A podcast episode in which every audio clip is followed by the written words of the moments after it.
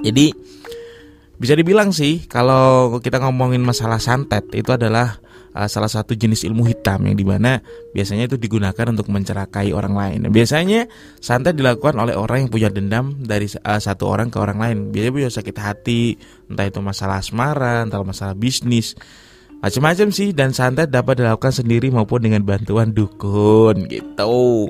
Bahkan ya kemarin Aris lihat artikel katanya santet itu bisa dilakukan secara online tau. Tinggal install aplikasi. Percaya nggak percaya sih? Ya kayak namanya juga kalau uh, menjadi legenda udah dari lama sampai sekarang kemudian santet sekarang jadi lebih modern bisa install aplikasi via Play Store. Lucu juga jadi semua orang bisa mengakses santet tuh.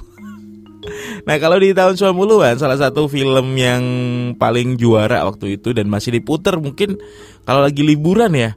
Lagi liburan hari sedikit banget tahu kalau lagi liburan selain Warkop DKI ada lagi itu film Wanita Harimau yang itu yang bokir jadi Acan bin Maun. Asing inget gak sih? Jadi waktu lu uh, nyariin si wanita harimau. Nah ceritanya kan si wanita harimau ini sebenarnya eh, di, diperanin sama Susana. Nah namanya itu dia di situ adalah Katemi. Ya harus inget tuh namanya Katemi. Jadi dia meninggalkan ilmu hitam. Nah kali ini dia justru kembali terjerumus ke lubang yang sama.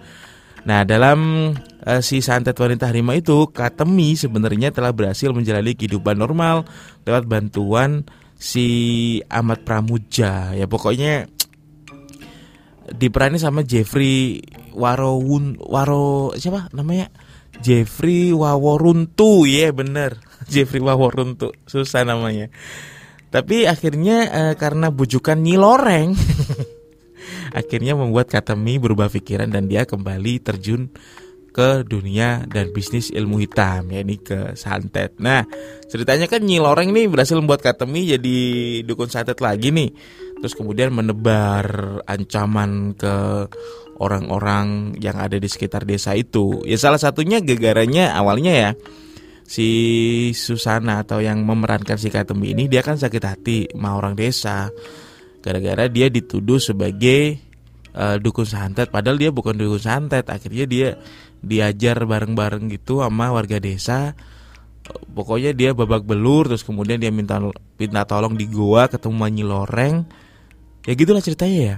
Terus setelah itu dia jadi dukun santet lah intinya kayak gitu. Menjadi sosok yang paling ditakuti. Nah si Katemi ini dia sukanya menjelma jadi harimau. Jadi wanita harimau. Ya. Eh jangan-jangan sinetron tujuh tujuh manusia harimau itu terinspirasi dari Katemi lagi ya kan bisa jadi loh. Ini. nah, waktu jadi harimau dia itu makin sakti pokoknya dia seperti itulah si Katemi ini. Nah, salah satu adegan yang paling harus inget sih waktu orang desa nyariin Katemi. Kan wanita harimau, eh wanita harimau, eh man manusia harimau wah ini siapa namanya gitu kan jadi si bokir nih lagi nyariin dia jadi ansip nih. Dia nyari yang jadi manusia harimau kira-kira siapa nih gitu. Nah, ada orang dia emang agak kekurangan fisik gitu akhirnya dia nggak bisa nyebutin namanya. Namanya kan sebenarnya Hasan bin Maun. Jadi dia bacanya gini. Namanya siapa? Acan bin Maung. Acan bin Maung. Panggil deh orang desa kan penduduk desa, oh ini nih kamu namanya siapa? Acan bin Maung. Wah ini nih, ini manusia harimau nih. Kita harus ajar nih gitu. Akhirnya disota Pak Bapak Pak Ustadz gitu. Eh jangan-jangan ini namanya siapa? Oh namanya itu Hasan bin Maun, bukannya manusia harimau. Ingat banget gak sih ya kayak gitu? iya, jadi dulu di Indonesia itu tragedi itu bisa menjadi sumber inspirasi ya.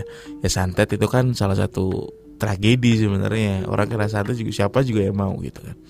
Nah, beda di Indonesia, beda di Cina juga. Jadi ada seorang perempuan namanya Zhu dari Zhengzhou, Cina. Dia terkejut ketika dia melakukan ini loh, foto X-ray.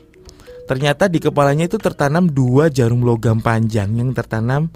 Padahal selama hidupnya dia tidak pernah mengalami masalah sakit kepala sama sekali.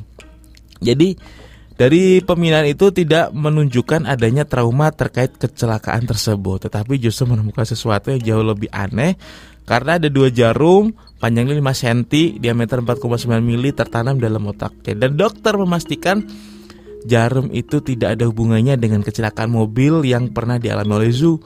Karena saat menjalani CT scan tidak ada cedera tengkorak atau kulit kepala yang terlihat.